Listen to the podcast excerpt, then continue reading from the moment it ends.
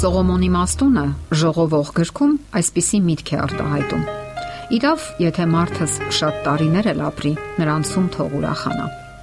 Ժամանակն անցնում է։ Յուրաքանչյուր նորոր իր հետ նոր տպավորություններ եւ հույզեր է բերում։ Մենք նորովի ենք գնահատում մեր կյանքի յուրաքանչյուր իրադարձություն։ Ունենում ենք նոր, նախկինից արդեն տարբերվող ապրումներ, Մենք արդեն մեծացել ենք եւս մեկ օրով եւ կյանքը նոր առաջադրանքներ ու մարտահրավերներ է դրել մեր առջև։ Բոլորն էլ նկատած կլինեն, որ ինչքան մեծանում է մարդը, այնքան ավելի արագ է անցնում ժամանակը։ Երբ մարդը մանուկ է, համառային արցակուրդը անհավանական երկար է թվում, իսկ երբ մեծանում է, պարզապես չի նկատում, թե ինչքան արագ է անցնում մայիսի 30-ից մինչև սեպտեմբերի 1-ն ընկած ժամանակահատվածը։ Շատերը ձանձրանում են Շատերն էլ պարզապես չգիտեն ինչպես վարվել ժամանակի հետ։ Ինչ անել, որpիսի հնարավոր լինի վերադարձնել կյանքի բույրը։ Ինչպես կանգնեցնել կյանքի հրաշալի ակնթարթները, վայելել կյանքը։ Աստված մեզ տվել է գիտակցականություն։ Կյանքի յուրաքանչյուր ակնթարթը գիտակցելու, ընկալելու ունակություն եւ հասկանալու, թե ինչով եւ ինչպես կարելի է լցնել այդ ակնթարթները։ Երբ դուք շփվում եք մարդկանց հետ, փորձեք հասկանալ նրանց հասկանալ նրանց շարժ ու ձևը, բառերն ու մտքերը եւ նույնիսկ աշխարհայացքը։ Երբ դուք դրսում եք, ուշադրություն դարձրեք, թե ինչ գեղեցիկ է աշխարհը եւ այն Աստված ձեզ է ապարգևել։ Լիաթոք շնչեք օթը, նայեք շուրջ բոլորը։ Նայեցեք մարդկանց, ծառերին, ծաղիկներին։ Հիացեք դրանցով, որովհետև դրանք գեղեցիկ են ստեղծված։ Ունեն բազմազան բույրեր ու գեղեցկություն։ Ձեզ չի զարմացնում արդյոք նրանց կառուցվածքը, գունային համադրությունը, ներդաշնակությունը, բույրերը։ Կարող եք նույնիսկ շոշափել դրանք, ընկալել այն զգացողություններն ու հույզերը, որ ունենում եք։ Ոչինչ պետք չէ անել մեխանիկորեն։ Արեք երեխաների նման։ Ամեն ինչ զարմացնում ու հիացնում է նրանց։ Նայեք աշխարհին այնպես, կարծես առաջին անգամն եք տեսնում։ Դուք զգում եք, ինչ հրաշալի է արարված աշխարհը։ Հարկավոր է միշտ կենտրոնանալ լավ բաների վրա Կարիք չկա մարդկանցից բամբասելու, նրանց մեջ տեսնելու վատը։ Դա այնքան էլ դժվար չէ, եւ դա անում է մարդկանց մեծ մասը։ Իսկ դուք փորձեք կենտրոնանալ դրականի վրա։ Իսկ քնելուց առաջ փոխանակ տրվելու տագնապալի դեպրեսիվ մտորումներին վաղվա օրվա հետ կապված եւ ընդհանրապես ապագայի հետ հիշեցեք ու կենտրոնացեք այն լավ բաների վրա,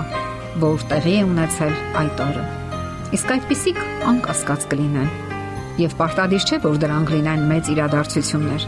Փոքրիկ իրադարձությունները նույնպես կարող են դրական հույզերի աղբյուր լինել։ Մտածեք, թե ինչքան համեղ է առավոտյան թեյը, շփումը ընտանիքի անդամների հետ եւ թե ինչով կարող եք ուրախացնել նրանց հաջորդ առավոտյան։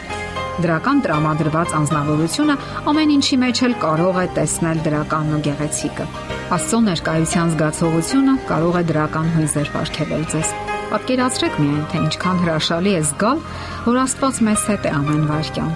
Օրը սկսեք Աստվածաշունչ ընթերցելով։ Մտորեք կարդացած համարների շուրջ եւ մտածեք, թե ինչպես կարող եք կյանքի կոչել այն, ինչ կարդացել եք այդ օրը։ Նաեւ խորհեք, ինչպես կարող եք փոխել ձեր բնավորության այս կամ այն որակը։ Մի մտածեք, որ միայն ուրիշները պետք է լավ բաներ անեն։ Սկսեք ձեզնից։ Մտածեք ինչով կարող եք մարդկանց, երեխաներին օգնել լավ տրամադրությամբ մտեցեք բոլորին։ Մռայլ մարդիկ անկասկած ձեզ էլ դուր չեն գալիս։ Օգնեք մարդկանց լավ խոսքերով, դրական արարքներով կամ պարզապես բարյացակամ ժպիտներով։ Շատերը հետաքրքիր փորձառություն ունեն օրագիր պահելու։ Այնտեղ գրում են, թե ինչպես անցավ նորորը եւ ինչ ապրումներ ունեցան։ Իհարկե, միշտ էլ վտանգ կա, որ ուրիշները կարող են կարդալ ձեր կյանքի ներքին խորապրումները, որոնք դուք չէինք ցանկանա ներկայացնել Սակայն դա ձեր օրագիրն է եւ այն կարող է օգնել ձեզ հասկանալու ձեր ապրումներն ու զգացմունքները։ Ներկայացրեք նաև ձեր խոհերն ու տրամադրությունները։ Ինչն է ձեզ նյարդայնացնում, ինչ կուզեիք անել, որ չարեցիք, եւ ինչ արեցիք ու գոհ մնացիք։ Իսկ ինչ հարաբերությունների մեջ եք ձեր ամուսնու եւ երեխաների հետ։ Գոհ եք արդյոք։ Իսկ նրանք գոհ են ձեզնից։ Երբ դուք հնարավորինս մանրակրկիտ եւ խոր ներկայացնեք այդ ամենը, կզգաք, որ ձեր օրը այնքան էլ անհետաքրքիր ու ձանձրալի չի անցել, որ հարուստ ու բովանդակալից է եղել, ինչպես ձեր այն մանկական ամառները, որոնք այնքան երկար էին ու հրաշալի։ Իսկ ապագան խորհրդավոր ու հիասքանչ։ Կյանքը իրականում գեղեցիկ է։ Պարզապես հարկավոր է նկատել այդ գեղեցկությունը, նաև գնահատել։ Ընթունել, որ այն վաղ թե ուշ անցնում է Սակայն դա չի խանգարում վայելել օրվա ակնթարթի ու կյանքի հմայքն ընդհանրապես։ Աստվածաշունչը իդեմս արարիչ Աստծո խորհուրդ է տալիս եւ հորդորում. ապրեք ձեր կյանքը, վայելեք այն եւ ոչ թե տխուր ու հիասթափված սпасեք վերջաբանին։ Նաեւ այսպես ապրեք, ինչպես Աստվածաշունչն է ասում, եւ տրտմությունը հեռացրու սրտիցդ եւ դեն առաջարությունը մարմնիցդ։ Դե ինչ գնահատեք կյանքը, նրա յուրաքանչյուր ժամն ու օրը։ Աստված այն ապարգևել է վայելելու համար։ Եթերում է ղողանջ հավերժության հաղորդաշարը։ Ձեզ հետ է Գեղեցիկ Մարտիրոսյանը։ Հարցերի եւ առաջարկությունների դեպքում զանգահարեք 099 08 20 93 հեռախոսահամարով։ Հետևեք մեզ hopmedia.am հասցեով։